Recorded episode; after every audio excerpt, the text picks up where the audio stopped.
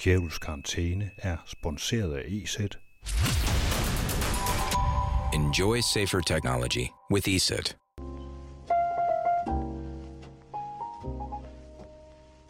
Den musik, du hører lige nu, det er den slags, jeg forestiller mig, at man sender i en tom lufthavn, eller på en stor, tom offentlig plads, eller i et helt nedlukket tivoli. Og selvom det er fint og velspillet, så er der noget indbygget ingenting i det. Ligesom her i Nødradios studie. Jeg er nu på femte afsnit af Kjævels Karantæne, en nødradio fra mit hjem, som jeg laver uden at nogen har bedt mig om det. Jeg hedder Anders Kjævel, for jeg læser det her op fra et klædeskab i det lille værelse, jeg har bygget om til kontor og studie. Jeg har fyldt med mikrofoner, computer, instrumenter og optageudstyr. Bortset fra det, så er der kun mig og min netforbindelse. Jeg har holdt en slags weekend og påstået for mig selv, at alting i virkeligheden var normalt. Jeg har gået en tur, ordnet småting i huset og i haven. Nu er det mandag, og arbejde venter heldigvis. Vi tager nogle nødradio-nyheder. Ikke noget med, hvor mange der er døde, eller hvem der mangler testkits. Dem kan du få andre steder. Her kommer noget andet. IBM's store jern skal endnu en gang redde verden. Verdens hurtigste computer hedder IBM Summit, og IBM har åbnet for, at forskere kan bruge den til at lave simulationer i forhold til COVID-19. Den kører IBM Power 9 og skal kun bruge 1-2 dage på at nå de samme resultater, som almindelige maskiner bruger måneder på. Indtil videre så har den her IBM Summit supercomputer fundet 77 forskellige kemiske bestanddele, som måske kan bruges mod SARS-CoV-2, coronavirus. Det er den, der giver sygdommen corona, det skriver CDNet. IBM Summit-maskinen den har en hastighed på 148,6 petaflops via HPL-test. Et petaflop det er lige med 1000 teraflops, Flop står for Floating Point Operations per Second, og et teraflop er en milliard milliarder af dem per sekund, eller 10 i 18. potens, eller, det er svært at forklare, det er også lige meget, slå det op, den er hurtig, jeg hæpper på Summit. Ifølge Defense One, så bruger russerne deres tid på andre ting end corona. De har angiveligt udviklet et botnet, der har DDoS-kapaciteter. Hverken botnet eller DDoS er noget nyt, men det nye er mål for de her overbelastninger af internettet, nemlig Internet of Things. Alle de dimser, vi er omgivet af, der er på nettet, som for eksempel køleskabe, selvkørende biler, belysning med smarte pærer fra IKEA og, her bliver det mindre rart, maskiner i sundhedsvæsenet. Systemet, der beskrives i lækkede dokumenter, hedder ifølge Defense One Fronton, Fonton 3D og Fonton 18. Men, og der er heldigvis et stort men, samme medie, Defense One, indrømmer samtidig, at de ikke har haft mulighed for at bekræfte, hvem der står bag lækket af dokumenterne, og om de er ægte. Dem, der har sendt dem, hedder Digital Revolution. Jeg følger op, når jeg ved mere. Danmark bliver skamrost ude i verden, og den slags, det kan vi godt lide. Det er The Atlantic, der skriver om den danske regerings støtte til erhvervslivet, at vi fryser arbejdsmarkedet ned i tre måneder og giver arbejdsløse borgere lønkompensation til stor undren for vores amerikanske kolleger. Danmarks gode idé kunne hjælpe verden til at undgå den store depression, skriver The Atlantic. I et interview med professor Flemming Larsen fra Aalborg Universitet, så spørger journalisten fra Atlantic, tror du det her er en god idé? Jeg ved det ikke, siger Frank Larsen. Det er ukendt land. Men det er også et godt forsøg, fordi hvis folk får deres folk ødelagt og går for lidt, så kan det tage mange år at bygge op igen. Så jeg synes, det er en god beslutning. Det synes vi også her i Nødradio. Noget, der til gengæld ikke får ros nogen steder, er e-boks. Regeringen udsendte i sidste uge en længere besked om coronavirus og hvordan man skal forholde sig til den til alle danskere, Personligt fik jeg min i søndags, og der har været massive problemer med at logge ind, hvilket rasende poster på Twitter vidner om. Mandag formiddag skrev e-boks på deres hjemmeside. Der kan i øjeblikket opleves længere svartider ved indlogning på e-boks via både app og web. Så frem du oplever dette, så prøv venligst at logge på igen senere. E-boks er ikke de eneste, der har kapacitetsproblemer for tiden. Netflix og Facebook, noget vi alle sammen bruger enormt meget tid på i de her dage, de skærer begge to ned på kvaliteten af deres videostreams. Undskyldningen er en slags samfundssind, der skal være internet nok til undervisning og fjernarbejde. Men vi er flere, der mener, at det ikke er nettet, der har problemer, men firmaernes server, der er kommet på seriøst arbejde. Det kan du høre lidt mere om lige om lidt. Jeg har nemlig kontaktet Henrik Kramselund i Reminsen, også kaldet Kramse, i sit hjemmekontor over Zoom, endnu et firma, som leverer videokonferencer og er under kraftig pres, og nu beder kunderne vælge video fra. Kramse er white hat hacker, internet samurai og surfer. Her er han. This is a test. For the next 60 seconds, the station will conduct of the emergency broadcast system. This is only a test.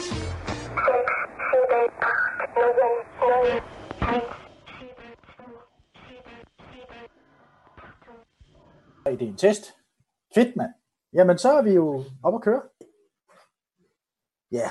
Lige nu så sidder vi alle sammen hjemme hos os selv øh, med vores computer øh, og skal øh, connecte til alt muligt. Halløjsa øh, og vi skal gå på, øh, vi skal, hvis vi har børn, så er der alt muligt andet, vi skal være på og sådan noget. Hvordan, øh, har du nogle gode råd til de folk, der sidder derude i øjeblikket, der skal, hvad hedder det, øh, skal passe deres liv lige pludselig kun fra computeren? Fordi der, altså, vi er jo vant til det, mere eller mindre, og du er især vant til også at kunne gøre ting via computer, men der er jo rigtig mange derude, for hvem det er nyt.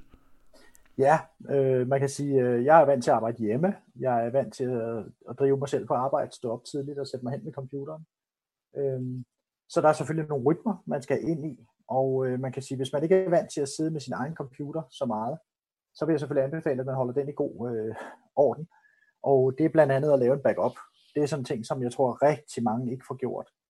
Og øh, hvis man så sidder og arbejder lokalt på nogle filer, hvad nogen måske gør, jamen så risikerer man jo at arbejde, øh, eller miste en hel dags arbejde. Så jeg vil anbefale en god backup. Ja, det lyder indlysende, og det minder mig faktisk om, at jeg har haft en stående og blinke op i hjørnet, som jeg ikke har lavet her den sidste uges tid. Så det, det er rigtigt, det skal vi nok huske at gøre. Hvor tit laver du din? Hver dag? Jeg satser på at lave backup sådan en gang om ugen. Jeg øh, følger sådan en, en sjov konto på Twitter, der hedder Friday Disco Backup. Så kan man høre disco-musik, og så kommer der links, og så husker man at lave sin backup. Så det gør det lidt sjovt at lave backuppen.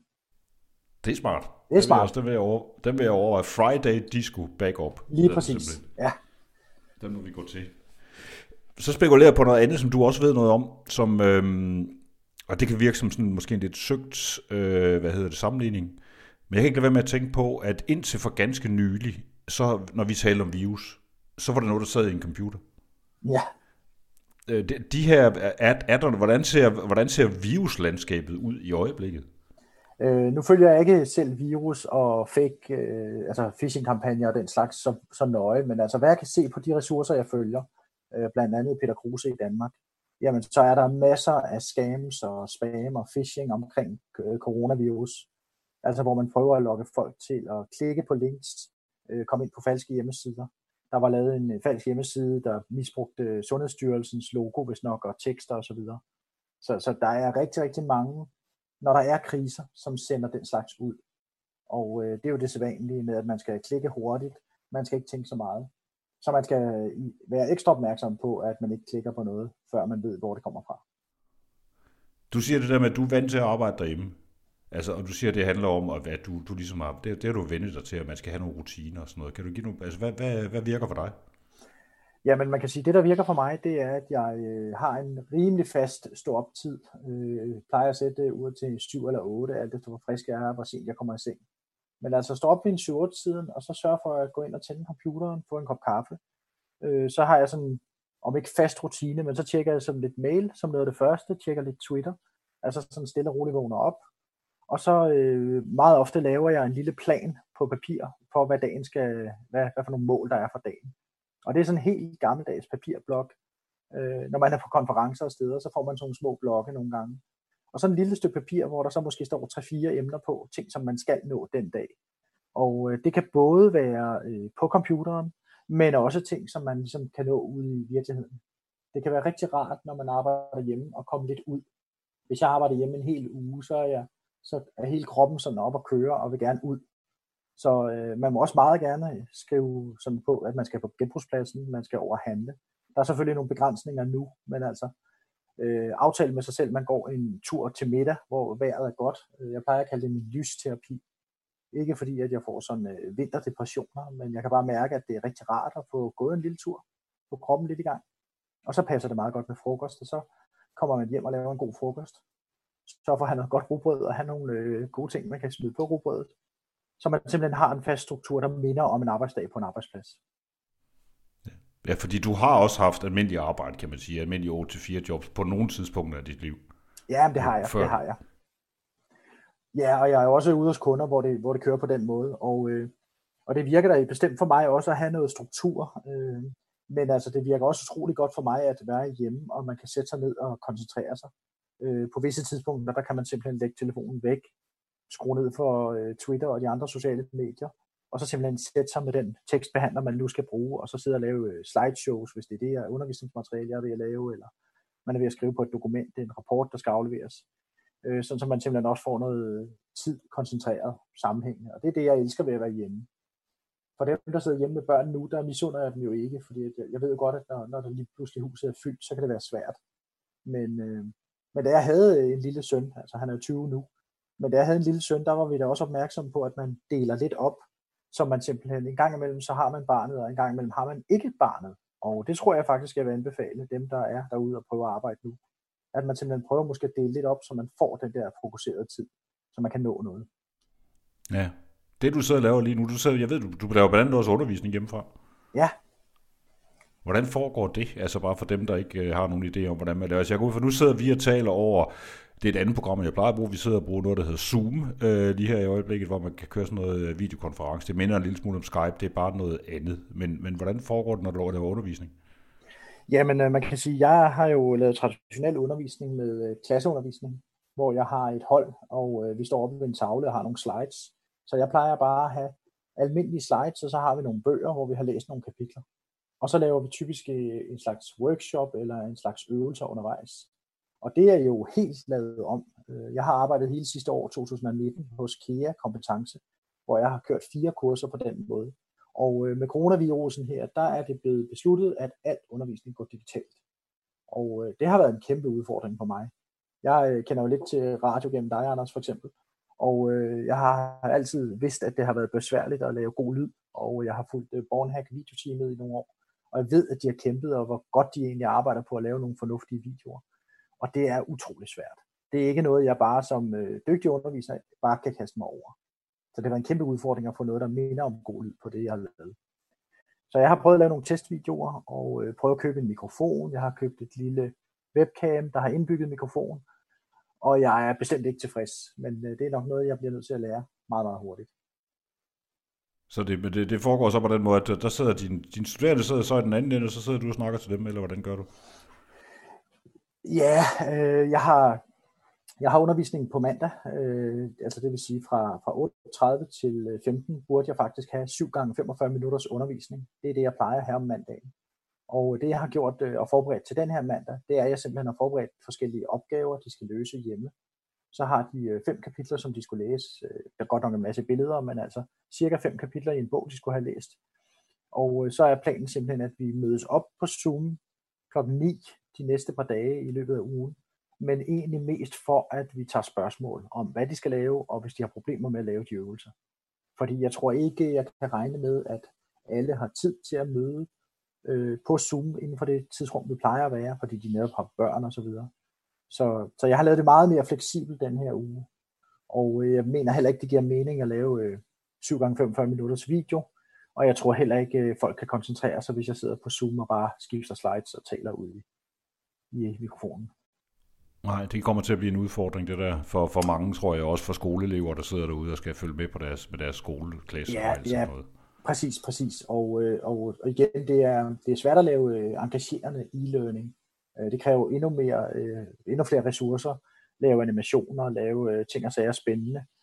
Så, så jeg har gået den vej, at jeg simpelthen har sat flere opgaver, og øh, hvad de skal løse og lave. Og så har jeg givet dem en lidt større opgave, som også var planen, jeg ville give dem på et tidspunkt. Den har jeg så givet dem nu.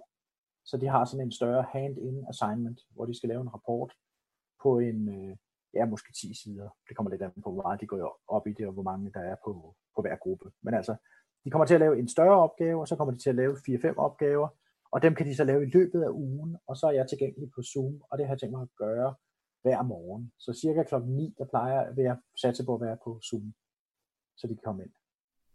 Det her med at bruge de her online videotjenester, altså øh, hvorfor er det lige blevet Zoom, du har valgt for eksempel? Øh, ja, man kan sige, at Zoom er blevet valgt for mig. Øh, tidligere har jeg også brugt Zoom, da jeg var hos øh, Nordonet, og øh, jeg synes, Zoom fungerer som en meget simpel klient og en fornuftig klient. Og øh, det var altså noget, KEA har valgt. Så det, vi sidder på lige nu, det er den Zoom, jeg har fået udleveret af KEA. Øhm, og den er jeg godt tilfreds med. Øh, den er meget simpel, og øh, man kan dele skærmen. Det vil sige, jeg kan dele skærmen, øh, det jeg har på min skærm, ud til de studerende, og de studerende vil også kunne dele deres skærm tilbage til mig. Jeg vil altså kunne se, hvad fejl de oplever på skærmen, hvis de vil lave en øvelse eller lignende. Så, så Zoom er, øh, de gange jeg har set den brugt og har selv brugt den, der har det været sådan til, til grupper op på en, de der 20-30 stykker forskellige konferencer i forskningsnetregi øh, i Norden. Og der har det fungeret godt. Jeg vil sige, det fungerer formentlig ikke godt, hvis man har 100, der skal ind øh, og skulle hele skærm og tale alle sammen. Men der har man nogle muligheder for at slukke mikrofonen som default, så folk ikke kan tale over hinanden. Jeg så faktisk, da jeg var inde nu her for at hente programmet, altså jeg bruger normalt, jeg har brugt Skype til at snakke med folk i, fordi det bare sådan, det ligger i min maskine, så det har jeg brugt. Øh, og det er udmærket til at ringe op fra, når man skal ringe fra sin computer. Men hvad hedder det? Det jeg lavede mærke til, der stod på Zooms hjemmeside den her gang, det var, at de skrev faktisk, at man skulle, øh, hvis man kunne undgå det, så skulle man helst lade være med at bruge video, fordi at de øh, anerkendte, at der var ved at være et øh, båndbreddeproblem. Øh, oh. At de simpelthen var ved at, at de var ved at sige, at, at det faktisk var ved at være presset. Tror du, vi kan komme i en situation, hvor de her ting begynder at blive, altså, skal man sige, uh, alvorlige? Uh, altså, vi sådan bliver nødt til at sige, jamen, så er vi nødt til at være noget mere netgrønne og spare lidt på vores internet. Åh oh, ja, altså, jeg håber, du har masser af tid, hvis vi skal snakke om det emne, fordi det er et emne, som det har jeg. tale meget længe om. Der er ingen tvivl om, at vi har flaskehalse. Man har altid en flaskehals.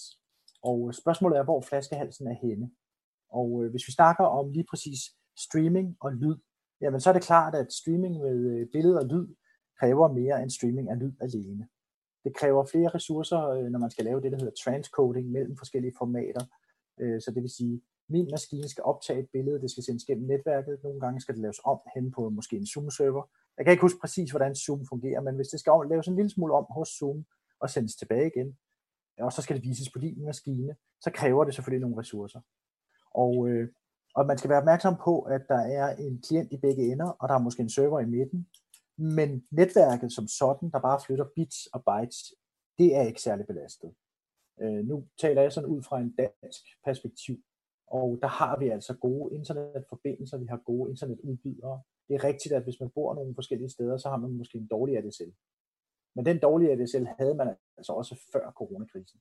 Og øh, jeg blev lidt træt, da Netflix annoncerede, at nu vil de sætte øh, kvaliteten ned, og jeg har faktisk opsagt mit Netflix-abonnement, fordi jeg simpelthen synes, det var for galt, at man lod sig presse til sådan noget tåbeligheder. Mm, og, øh, og jeg har også talt med nogle af mine kollegaer i netværksbranchen, og, øh, og de synes altså også, det er lidt fjollet, at EU skal markere sig på den her måde. Når så en, øh, en, et firma som Zoom måske går ud og siger det, jamen så kan det være, fordi deres server er presset. Så det vil sige, deres ende, hvor det ikke bare er at flytte bits og bytes fra et interface til et andet, men hvor der skal behandles på de bytes, bits og bytes, jamen der kan det godt være tungt. Der kræver det nogle ressourcer, det kræver noget hukommelse. Øh, og der kan det godt være, at de har nogle maksimum og nogle flaskehalse, som er svære at gøre noget ved.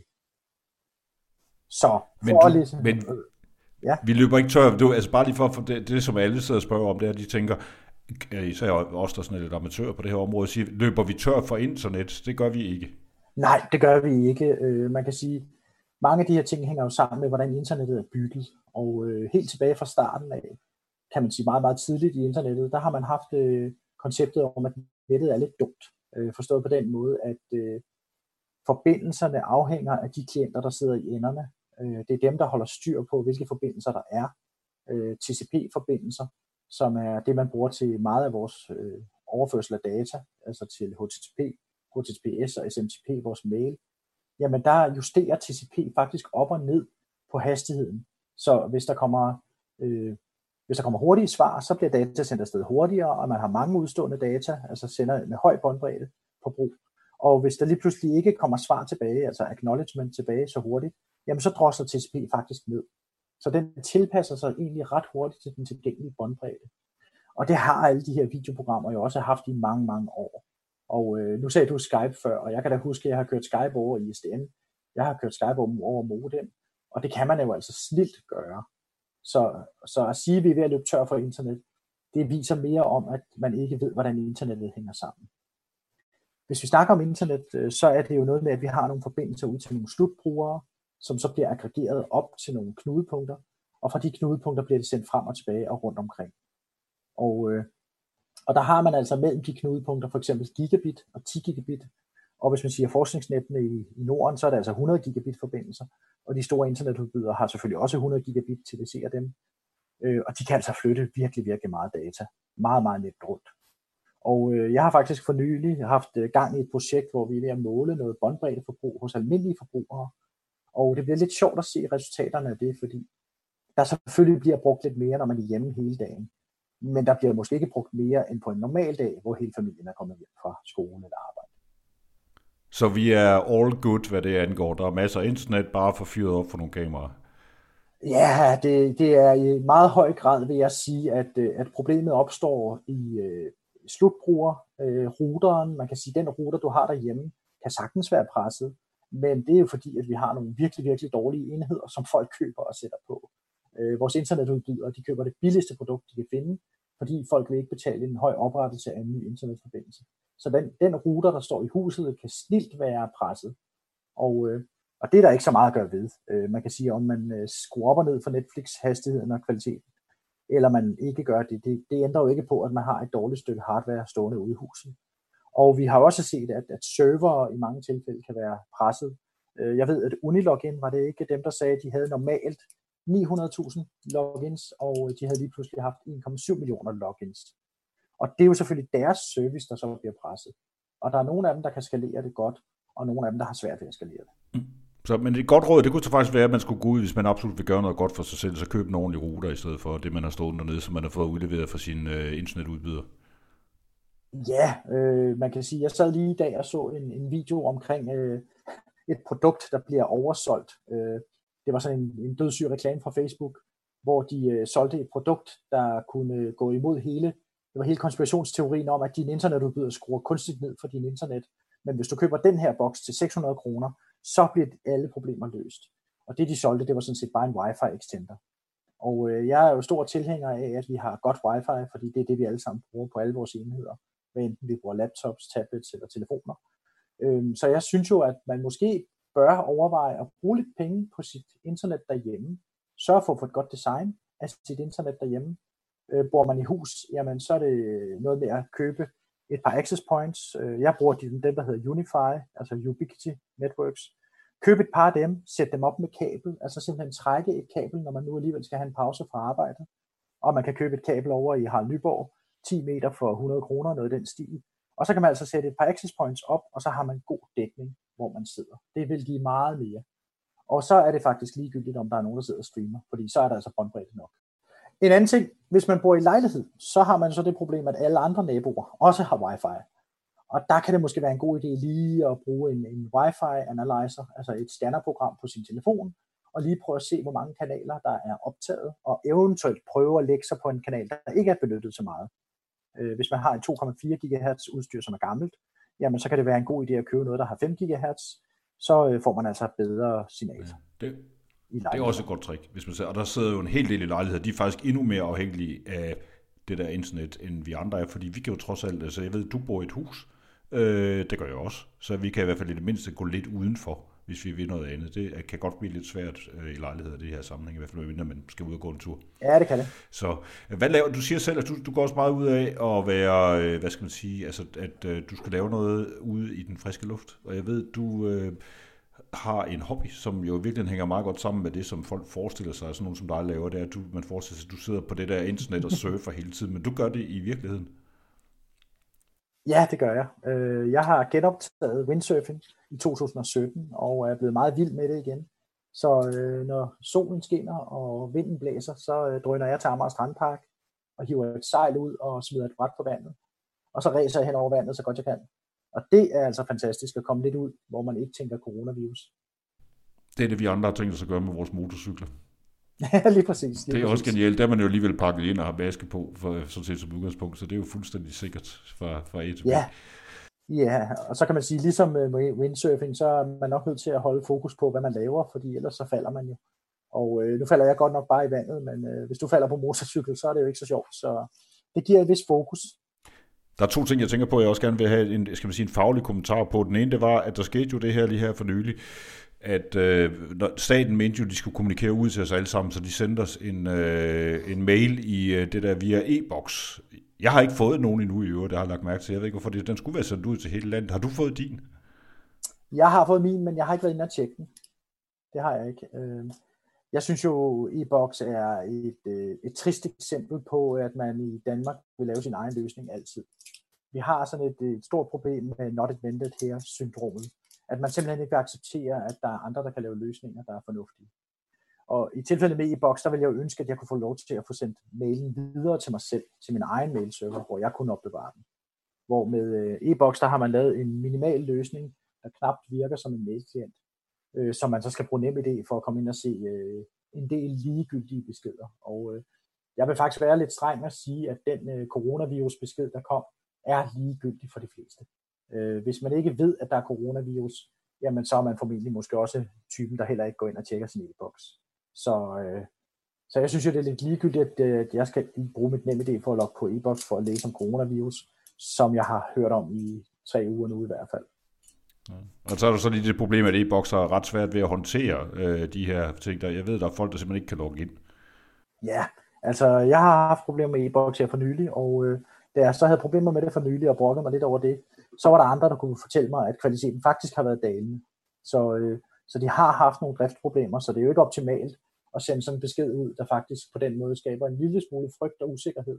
Hvad skal man nu gå ind og læse om, og er det nu jeg spekulerede faktisk på, da jeg fik sms'en om, at der lå besked, om det nu var mit blod, der var blevet testet eller lignende. Altså, det, det skaber en lille smule utryghed, at der kommer en besked fra Sundhedsstyrelsen, fordi det får jeg normalt ikke. Nej, du er normalt du er bloddonor normalt også, og det er derfor, ja. du måske du kunne forestille dig, at det kunne være, det var derfor, de havde testet dit blod. Ja, eller et eller andet. Altså, det, kunne, det kunne godt være. Altså, jeg blev i hvert fald mere urolig, end jeg blev tryg af at få sådan en besked om, at der var, der var mail i boksen. Ja. Så har du fået en anden besked fra, fra myndighederne, måske. Jeg har fået en i går fra politiet, og det er en, øh, sådan en, øh, en sms, der er blevet sendt ud til, til hele Danmarks befolkning, hvor de siger, at vi skal lade være med at gå i for store grupper og sådan noget. Har du fået, en, din, har, har du fået din sms? Ja, men det har jeg. På min står der god weekend, politiet. Og øh, altså, det er jo svært, altså, jeg ved ikke, hvad jeg skal gøre ved den. Øh, der står bare lige nu, at den, den spredes lige nu i Danmark. Hold afstand og vis hensyn, også i solskin. Ellers kan vi ikke bremse smitten. Altså, den er, den er meget lidt formel. Den er meget lidt indholdsrig. Altså, den, den virker ikke som om, den er designet specielt godt. Altså, det er sådan en, hov, vi skal også lige gøre det her. Og ligesom den til e-boksen, så er det noget, der kommer meget, meget sent i forløbet. Øh, hvis man ikke allerede har fået den her information, så er det sgu enten fordi man ignorerer det, eller man er uden for rækkevidde. Hvor længe du selv sidder indendørs nu? Jamen, øh, man kan sige, da det her sådan ligesom begyndte rigtigt at komme, der var, der var det starten af marts, at jeg ligesom opfattede, at jeg skulle være indenfor. Og havde vist nok, hvordan var det, undervisning den 2. 3. 4. marts, der var jeg ude i verden. Og øh, var ude at køre metro, tror jeg, sidste gang var det mandag den 2. marts, eller også var det den 3. Og der, øh, der, efter det, der har jeg sådan set beholdt mig hjemme og indendørs. Og øh, min Google øh, Location History, min timeline på Google Maps, som jeg har haft slået til her i marts måned, den siger, at jeg har været syv steder. Så, så jeg har været inden for det meste af tiden øh, i syv, i, altså i tre uger.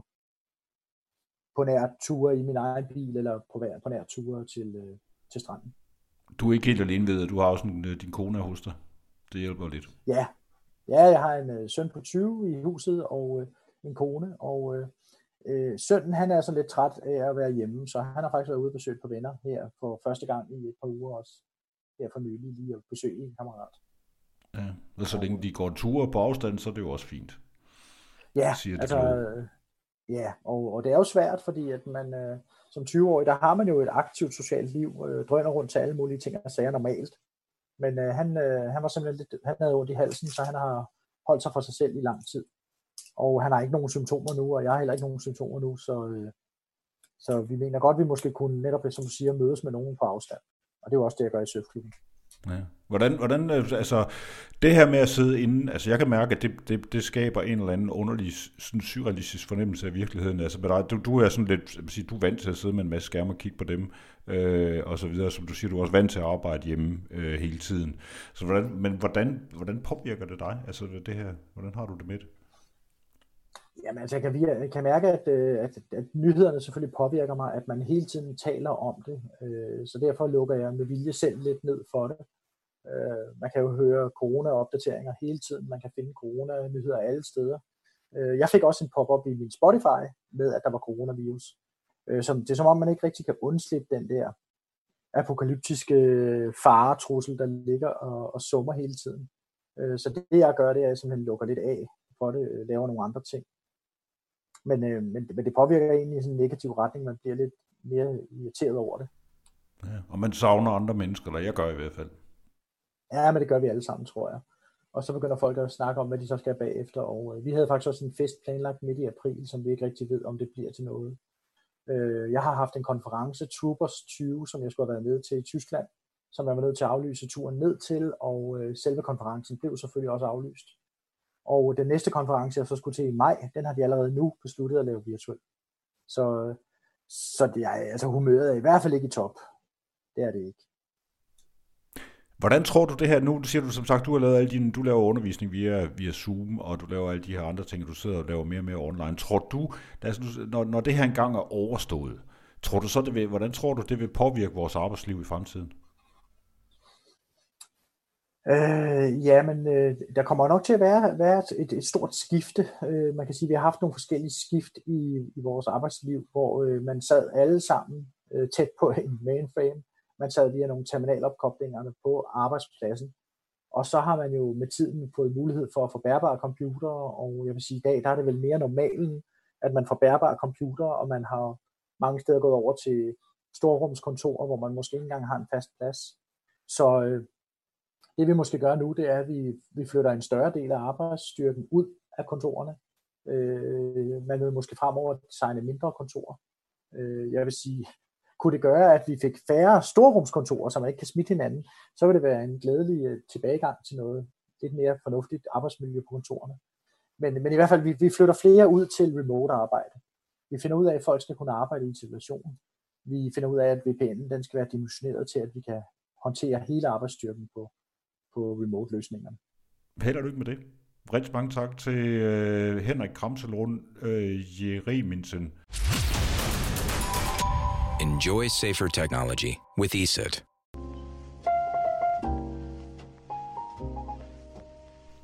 Det var, hvad det kunne blive til i Nødradioen Kjærulfs karantæne i dag. Jeg forventer at være tilbage med mere nyt i morgen.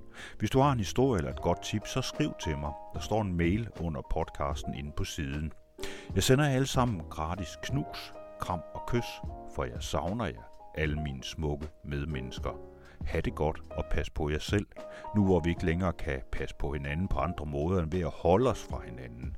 Holde os for os selv, holde afstand, holde ud og holde af.